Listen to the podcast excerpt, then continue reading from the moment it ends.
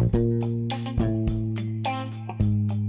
teman-teman, gimana nih kabarnya? Suara Modivia kembali hadir. Seperti biasa, saya mau dulu nih buat teman-teman yang belum sempat dengerin episode sebelumnya, langsung aja cari di Spotify atau Anchor atau di Google Podcast.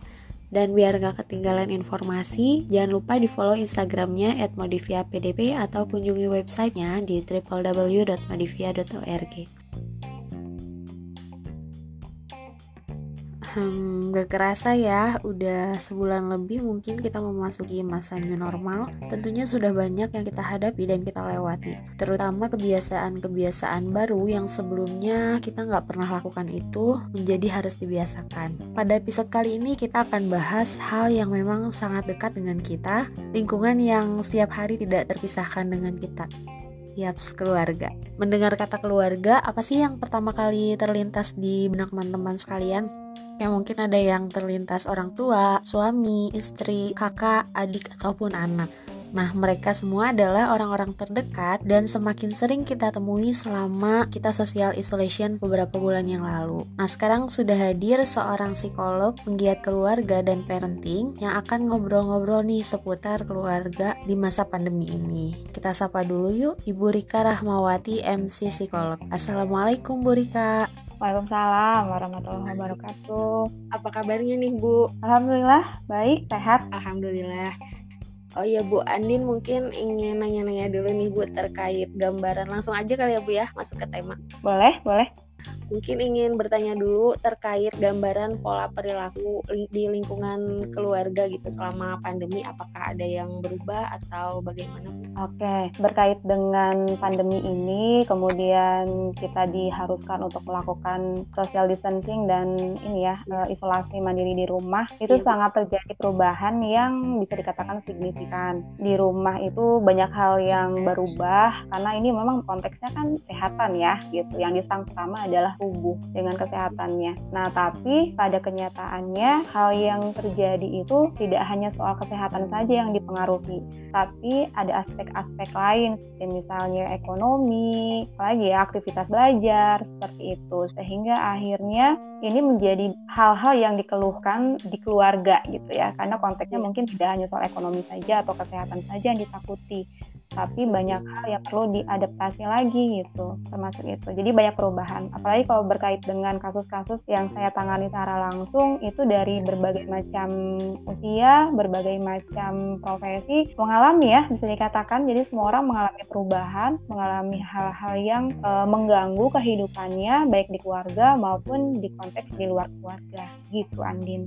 Iya Bu. Jadi dampaknya menyeluruh ya Bu ya betul. Untuk semua kalangan usia. Betul betul. Nah, eh, dampak yang paling mencolok atau mungkin menonjol apa aja sih Bu? Dampak yang paling mencolok itu eh, saya ini mengatakan berdasarkan apa yang saya tangani ya dari kasus ya yeah. terkait dengan apa ya ekonomi udah pasti ya karena kan yeah. kebanyakan orang tidak bisa melakukan aktivitas mencari nafkah seperti sebelumnya. Betul. Kemudian eh, ini di di luar di lain selain aspek kesehatan ya yang berkait dengan COVID secara langsung. Kemudian misalnya kesehatan mental aspek emosi dari para ibu yang bekerja di rumah tapi juga sekaligus harus menemani anaknya sekolah dari rumah gitu. Itu juga secara mental sangat terjadi perubahan karena tuntutannya jadi double. Ketika para ibu ini bekerja di kantor, mereka mungkin bisa fokus ya, tapi iya, ketika yeah. di rumah mereka harus mengerjakan pekerjaan kantor sekaligus e, melakukan pekerjaan yang biasa dilakukan di rumah, misalnya melakukan pengasuhan terhadap anaknya dan lain-lain gitu. Hmm, jadi ada tekanan lain, maksudnya tuntutan lain peran ya. yang dimainkan oleh seorang ibu ya Bu ya. Betul. Nah, berarti ada hubungannya juga dengan pola asuh ya Bu? Betul sekali, ada sekali hubungannya dengan pola asuh. Itu sangat terlihat dari fenomena pandemik ini. Nah, berbicara tentang pola asuh mungkin udah nggak asing ya Bu di masyarakat, tapi ya. tidak menutup kemungkinan ada yang belum tahu juga nih Bu. Boleh dong Ibu jelasin tentang hal-hal yang terkait pola asuh dengan pola asuh ya. Yeah. Dari sebelum saya nanti akan bicara mengenai pola asuh atau gaya pengasuhan yang berkaitan dengan pandemik, saya mau cerita dulu sedikit mengenai gaya pengasuhan secara umum. Jadi base prinsipnya itu apa? Kalau kita bicara mengenai gaya pengasuhan atau ada istilah lain pola pengasuhan ya atau parenting misalnya dalam bahasa Inggris itu sebetulnya punya definisi. Jadi definisinya konteksnya adalah gaya pengasuhan ini merupakan pola perilaku dari orang tua yang paling menonjol. Jadi mungkin ada beberapa, tapi kita lihat yang paling menonjol apa atau yang paling dominan dalam menangani anak-anaknya sehari-hari itu kurang lebih dari gaya pengasuhan. Nah, apa saja yang ada dalam gaya pengasuhan ini? Nah, pola orang tua dalam mendisiplin anak, misalnya ya, membentuk perilaku, membentuk kebiasaan, sehingga akhirnya anak bisa menjadi disiplin. Kemudian, eh, bagaimana orang tua menanamkan nilai-nilai kehidupan. Gitu. Kemudian, ada juga mengajarkan keterampilan hidup dan dalam mengelola emosi. Jadi kalau kita bicara mengenai aspek-aspek yang ada dalam pengasuhan, saya rasa ini semuanya ada dan bisa berubah harus beradaptasi sesuai dengan kondisi pandemik ini. Nah, ada lagi Andin yang perlu saya ceritakan dalam pengasuhan ini secara umum ya. Kalau kita bicara mengenai pola pengasuhan, uh, kalau secara psikologis ya, kita bisa langsung teringat pada sebuah teori yang disampaikan oleh Ibu Diana Baumrin. Ini sangat terkenal, uh, baik di psikologi maupun mungkin uh, masyarakat yang tidak belajar psikologi secara spesifik. Ibu Diana Baumrin ini menjelaskan mengenai pola asuh. Di dalamnya harus ada prinsip-prinsip. Yang pertama itu pola asuh itu responsiveness katanya gitu. Nah, responsif ini bagaimana orang tua mengekspresikan cintanya kepada anak-anaknya, kemudian menyeimbangkan kebutuhan anak untuk mendapatkan perlindungan dan kemandirian gitu ya. Jadi orang tua harus tahu nih anaknya butuh apa, harus mandiri, bagaimana membentuk mereka supaya mandiri itu ada dalam pengasuhan. Kemudian memenuhi kebutuhan dan harapan anak. Ini yang harus ada. Jadi responsif. Orang tua paham, orang tua punya cara, punya rencana bagaimana untuk bisa memenuhi tuntutan itu. Kemudian yang kedua, sifatnya demandingness atau ada tuntutan di dalamnya. Jadi pola asuh itu nggak cuma memberikan saja, tapi pola asuh juga menuntut anak-anaknya untuk bisa memenuhi apa yang orang tua inginkan. Tapi ini konteksnya idealnya harus yang uh, tuntutan yang sehat ya, yang anak-anaknya pun mampu memenuhinya. Jadi dalam demandingness ini bagaimana orang tua menggunakan otoritasnya. Yang bagus itu kan memang orang tua yang punya power ya tapi hmm. power ini tidak boleh disalahgunakan gitu tetap harus ada kehangatan di dalamnya meskipun orang tua yang punya kendali nah terus orang tua juga mengawasi mengarahkan anak dalam melakukan aktivitasnya dengan power yang dimilikinya itu kemudian mengendalikan boleh juga melarang kalau misalnya ternyata anaknya sudah di luar jalur yang semestinya di luar dari kesepakatan yang sudah dibentuk bersama dan yang penting itu adalah memodifikasi perilaku anak-anaknya untuk memenuhi apa yang diinginkan atau standar dari orang tuanya Mungkin hmm. standar tiap orang tua itu berbeda-beda ya kadang mungkin kita membandingkan ya. Andi bisa membandingkan orang tuanya bagaimana atau saya sebagai orang tua juga mungkin punya standar yang berbeda terhadap anak saya gitu. Jadi ya itu bisa ya bisa relatif sebetulnya ya bisa berbeda-beda. Kan karena tiap pasangan suami istri kan punya rencana tersendiri ya terhadap rumah tangganya. Bahkan untuk uh, adik kakak gitu Bu berbeda juga ya, ya. Bu tuntutannya? Bisa jadi bisa jadi tuntutannya berbeda. Kalau orang tua paham misalnya res, uh, responsif tadi ya paham ya. anak-anaknya itu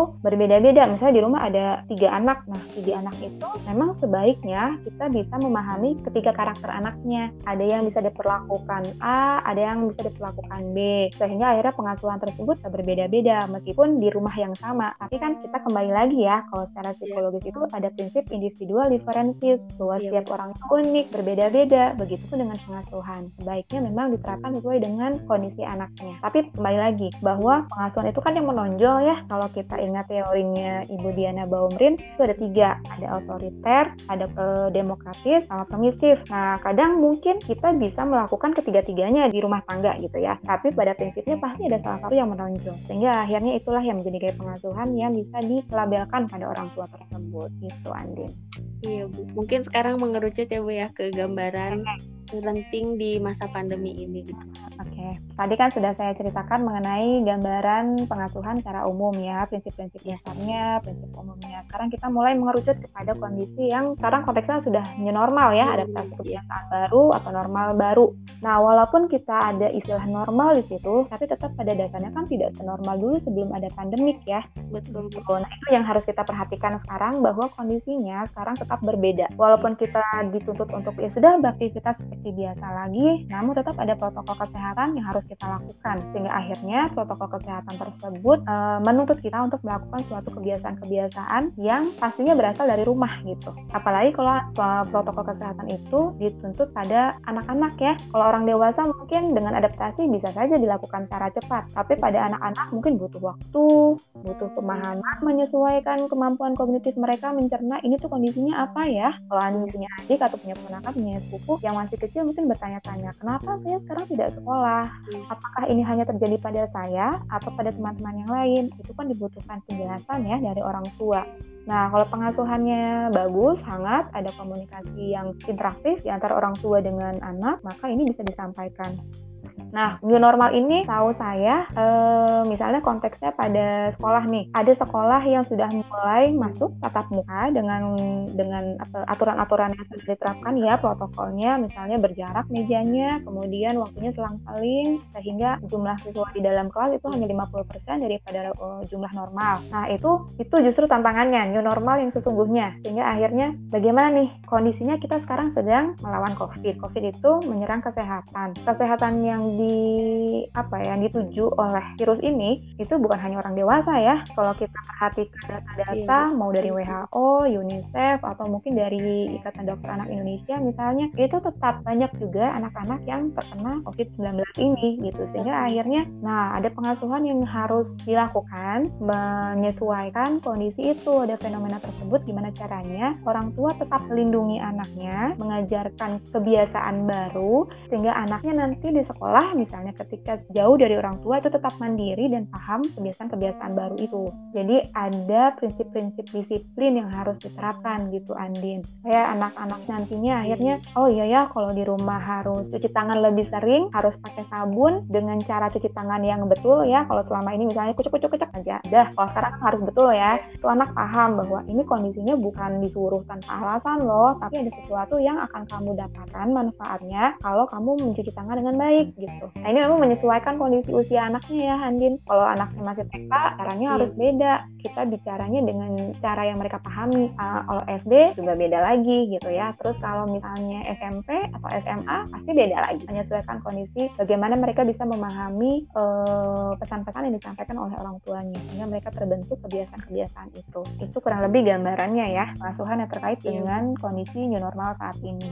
Oke, jadi ada yang harus dipahamkan terhadap iya. anak-anak ya Bu. Tentunya dengan tetap memperhatikan perkembangan kognitif mereka mungkin ya Bu dalam mencerna bahasa. Betul. Oke, seberapa penting sih Bu orang tua tuh perlu memperhatikan pola asuh tersebut gitu di eranya? Seberapa penting? Sangat penting. Karena itu basic yang sangat diperlukan sehingga nanti anak bisa survive ketika mereka dilepas di lingkungan dengan kondisi pandemik saat ini. Kalau karena kan di dalam pengasuhan itu kan ada tadi ya aspek-aspek yang ditanamkan orang tua yang pertama nilai-nilai kehidupan, kesehatan, kebersihan, apalagi ya kesopanan dan lain sebagainya. Pokoknya apa pun itu disampaikannya pertama kali pasti di rumah dulu gitu. Karena mereka lebih banyak berinteraksi dengan orang tua itu di rumah daripada di sekolah sebetulnya. Apalagi kalau konteksnya sekarang nih pandemik, uh, walaupun misalnya sekolah tapi kan mungkin tidak full satu kan ya.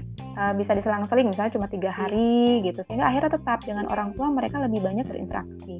Oleh karena itu nilai-nilai kehidupan lebih banyak diberikan oleh orang tua. Sehingga itu penting sekali. Belum lagi misalnya keterampilan hidup uh, terus mengelola emosi gimana caranya misalnya ya dengan kondisi adaptasi. Tiap anak itu punya kemampuan adaptasi yang berbeda-beda sehingga orang tua harus membekali mereka untuk bisa survive adaptif dengan kondisi tuntutan dari lingkungan yang sangat berbeda dan itu berawal dari pengasuhan. Sehingga pengasuhan yang sehat itu sangat dipenting, uh, diperlukan uh, supaya anak bisa adaptif tadi terhadap lingkungan gitu. Mungkin ada tips Bu dari Ibu untuk memberikan pola asuh yang sesuai dalam keadaan yang normal. Ya, nah ini yang juga yang perlu diperhatikan ya. Sebetulnya apa sih yang harus dilakukan supaya orang tua bisa tetap sehat mental, anaknya juga bisa tetap sehat mental dengan segala keterbatasan ini. Karena kita tahu sendiri kondisinya itu memunculkan stresor baru gitu ya, memunculkan ya. ketidaknyamanan gitu pastinya. Karena yang namanya adaptasi kan pasti ada perubahan. Sehingga akhirnya gimana nih cara supaya kita bisa melakukan pengasuhan yang sehat yang ideal Yang pertama ya memang pola asuh pada anak itu harus memunculkan keteladanan dari orang tua. Kalau orang tua meminta anak untuk melakukan suatu kebiasaan sehat, maka orang tua pun harus mencontohkan itu. Karena pada prinsipnya kan anak itu sifatnya e, melakukan betul meniru. meniru. Jadi observasi dan imitasi. Mereka akan memperhatikan orang tuanya melakukan hmm. apa dan itu yang akan dicontoh. Apalagi kalau berulang-ulang, itu akan menjadi suatu kebiasaan. Kalau orang tuanya cuci tangan terus, misalnya setelah melakukan megang sesuatu atau dari luar, terus anak melihat, anak akan mencontoh itu. Apalagi kalau orang tuanya meminta anaknya melakukan itu. Sehingga akhirnya keteladanan itu harus ada. Kemudian yang kedua, menerapkan komunikasi yang efektif antar anggota keluarga. Ini juga penting ya, karena kalau kita kita kan tahu apa yang difikirkan orang lain itu kan dengan komunikasi ya. Kalau kitanya diam di rumah, iya. ya kita nggak ngerti gitu apa apalagi untuk anak gitu. Anak tuh betul-betul harus diberikan pemahaman dengan bahasa yang sangat komunikatif tidak ditakut-takuti misalnya oh kamu harus cuci tangan kalau nggak nanti kamu kena covid loh nah bukan menularkan takutnya itu tapi justru memberikan nilai atau memberikan pemahaman bahwa hidup sehat itu bagus gitu. Itu sebetulnya PR bagaimana orang tua bisa menyampaikan dengan cara bijak. Ya karena orang tua juga kan pasti mungkin mengalami stresor yang lain ya. Jangan sampai dibawa pulang ke rumah gitu. Akhirnya anak yang akan mengalami itu. Kemudian kolaborasi antara ayah ibu itu juga penting. Karena kan ayah ibu itu paket lengkap paket yang tidak bisa dipisahkan gitu dalam pengasuhan. Mereka punya peran masing-masing. Sehingga kalau ada sosok ayah di rumah ada sosok ibu di rumah pengasuhan akan menjadi lebih baik karena pasti ada perbedaan ya biasanya karena orang misalnya ayah nih ayah itu cenderung lebih memperhatikan kesehatan anaknya jadi mungkin akan lebih mengawasi ya, tapi bagian eksekusinya tuh ibu gitu di rumah. Ayah yang akan mengontrol, ibunya akan memberikan atau melatih secara langsung kepada anak. Jadi kalau ada ayah ada ibu kan klop ya gitu. Terus ya ada pokoknya intinya ayah dan ibu punya peran yang yang berbeda, tapi dengan keberadaan mereka dua-duanya kolaborasi yang baik, ayah ibu memiliki hubungan yang harmonis sehingga akhirnya mereka akan menularkan kebahagiaan itu kepada anak-anaknya. Nah ini dibutuhkan makanya ada istilah me time, couple time, family time karena stresor ini harus dihadapi bersama-sama gitu. Anak mungkin stres dengan kondisi pandemik, ibu juga stres dengan kondisi pandemik, ayah juga stres dengan kondisi pandemik. Mereka stres karena tuntutan-tuntutan mereka, peran mereka itu harus dipenuhi, tapi mungkin pandemik ini menghalangi atau membatasi. Sehingga akhirnya mereka juga harus melakukan coping stres masing-masing gitu ya, penyelesaian terhadap stresor masing-masing. Hmm. Tapi kalau di rumahnya kompak, tetap hangat, masalah kecil jadi tidak bukan masalah, masalah besar jadi masalah kecil, insya Allah pengasuhan akan tetap baik gitu. Terus kemudian paling uh, yang terakhir tapi mungkin bukan sesuatu yang bisa diakhirkan gitu ya bukan sesuatu yang tidak penting karena terakhir uh, dukungan belajar pada anak ini juga penting karena kan pada masa anak-anak itu bermain itu penting belajar juga penting gitu ya memang belajar ini juga ada dalam pada saat mereka bermain nah ini harus diperhatikan oleh orang tua mereka terbatas sekali dibatasi ruang geraknya untuk bermain apalagi kalau di rumah fasilitasnya sangat kurang apalagi kalau di rumah dibiasakan dengan menggunakan perangkat-perangkat elektronik yang membuat mereka pasif misalnya pakai HP berlebihan, gadget, betul. Itu juga jadi salah satu hal yang biasanya dikeluhkan pada saat pandemik ini memang sih uh, gadget itu sifatnya netral juga ya. Kita bisa gunakan, kita bisa manfaatkan. Justru mungkin ini jadi salah satu hal yang perlu kita syukuri karena kita harus melakukan isolasi, tapi ada di era 4.0 sehingga akhirnya kita terbantu, tidak terlalu iya. kesepian, nggak terlalu bingung mau ngapain gitu karena ada gadget yang bisa membantu kita untuk tetap berinteraksi dengan dunia luar. Tapi kalau kitanya salah menggunakannya, nah itu yang akhirnya jadi seperti bumerang gitu berbalik berbahaya kepada kita. Ya kita harus tetap jadi smart people ya dengan smartphone yang kita gunakan iya. istilahnya itu yang biasa saya gunakan. Iya, mungkin harus lebih bijak lagi ya Bu dalam dalam menggunakan betul, gadgetnya ya, itu. Betul sekali. Bu kalau Andin hmm. amati gitu ya Bu, anak-anak itu kan uh, mungkin butuh untuk main bersama iya. teman-temannya, gitu kan ya Bu hmm. keluar rumah. Sedangkan mereka ketika di rumah itu dituntut untuk iya. belajar dan nggak semua orang tua juga betul. paham gitu bahwasanya anak tuh ketika belajar tuh kuatnya berapa betul. menit nih gitu. Ada juga kan orang tua yang iya, memaksa betul. gitu kan harus tetap fokus. Nah berbeda kan ya Bu ya cara belajarnya anak dengan usia SD, SMP, SMA dan perguruan tinggi tentu berbeda. Nah, gimana sih Bu? Oke, betul. Nah, kalau ini sebetulnya pendidikan yang diterapkan pada beberapa tentang usia yang saya alami langsung. Saya punya anak yang ada di usia SD sehingga akhirnya harus menyesuaikan, tapi saya juga memberikan proses pendidikan pada orang yang usianya dewasa ya, sehingga berbeda-beda. Kalau anak pasti nggak bisa duduk diam. Yang pertama karena mereka biasanya melakukan aktivitas itu indoor outdoor ya. Di sekolah misal apalagi yang preschool. Preschool itu bisa dikatakan eh banyak lah proses persentase melakukan aktivitas di luarnya itu. Sehingga akhirnya mereka kalau dituntut untuk hanya diam eh, belajar berjam-jam gitu ya diam mereka 30 menit iya. belajar duduk aja tuh menurut saya sudah bagus tuh. Apalagi misalnya 50 menit mereka tanpa iya. mengeluh ya itu sudah bagus sebetulnya. Iya. nanti diselang lagi. Idealnya sih memang kita melakukan proses belajar itu dengan konteks yang mendekati seperti di sekolah. Misalnya gimana nih supaya mereka tetap termotivasi meskipun di rumah tapi tetap belajar ada yang ya coba aja situasinya. Misalnya dia mereka bangun tidur uh, di jam yang sama pakai seragam kalau perlu supaya atmosfer belajarnya terasa seperti di sekolah gitu.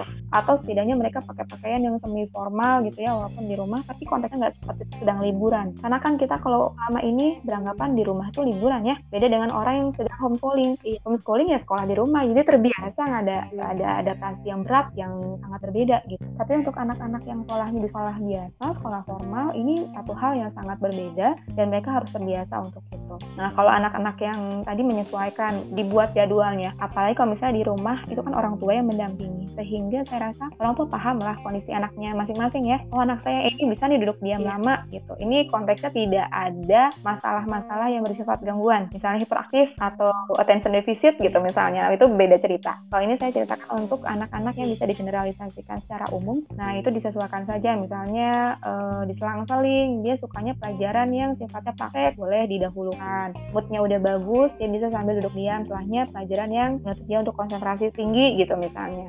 Nah, begitu aja diselang-seling terus sambil terus dimotivasi bahwa selama ini konteksnya pandemi. Kamu di rumah bukan sedang liburan, begitu pun dengan teman-teman yang lain. Kalau memungkinkan boleh dilakukan video call atau sekarang dengan fasilitas virtual yang lain yang dalam satu layar itu teman-teman yang lain juga sama gitu. Itu saya rasa hmm. anak tuh bahagia ya walaupun mereka bertanya di layar gitu. Karena kondisinya memang tidak bisa iya. bertemu secara langsung. Tapi kalau sekarang new normal misalnya dibolehkan mungkin terobati lah rasa rindu mereka untuk bisa berinteraksi dengan teman-temannya gitu. Jadi, akhirnya tetap harus diingatkan. Yeah. Kalaupun kamu ketemu teman, teman yang lain, maskernya jangan lupa dipakai. Yeah. Atau kalau mereka punya facial, facialnya jangan lupa ya, jangan dilepas gitu. Kita bekali pengetahuan mereka dengan kebiasaan-kebiasaan baik itu, sehingga akhirnya mereka bisa terbiasa. Kalau untuk mahasiswa, ini juga perlu pengertian dari orang tua juga ya, atau orang-orang yang ada di sekitarnya, bahwa mereka itu di rumah pun konteksnya memang bukan sedang liburan gitu atau cuti atau apa, tapi mereka punya jadwal khusus untuk belajar sehingga akhirnya orang kadang dibutuhkan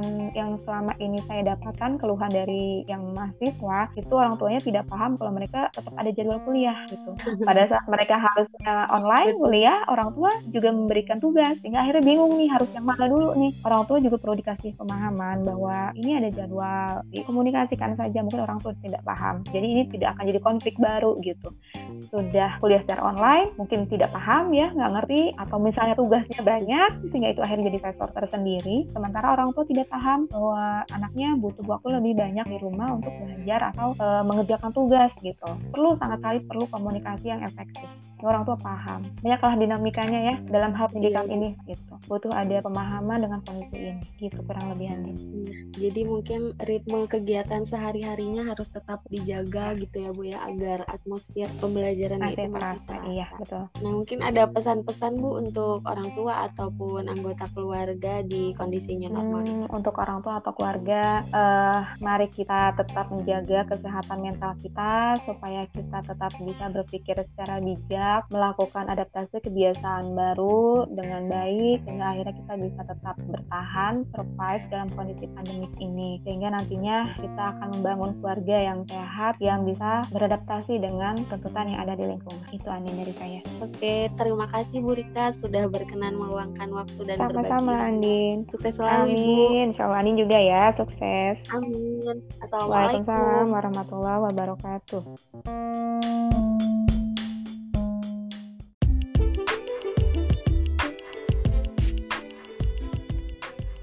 Terima kasih juga buat teman-teman yang udah setia mendengarkan episode kali ini. Semoga bermanfaat. Jangan lupa di-share dan sampai jumpa di segmen selanjutnya. Saya Andiani Nanda pamit undur diri. Bye. Make a step, build the self.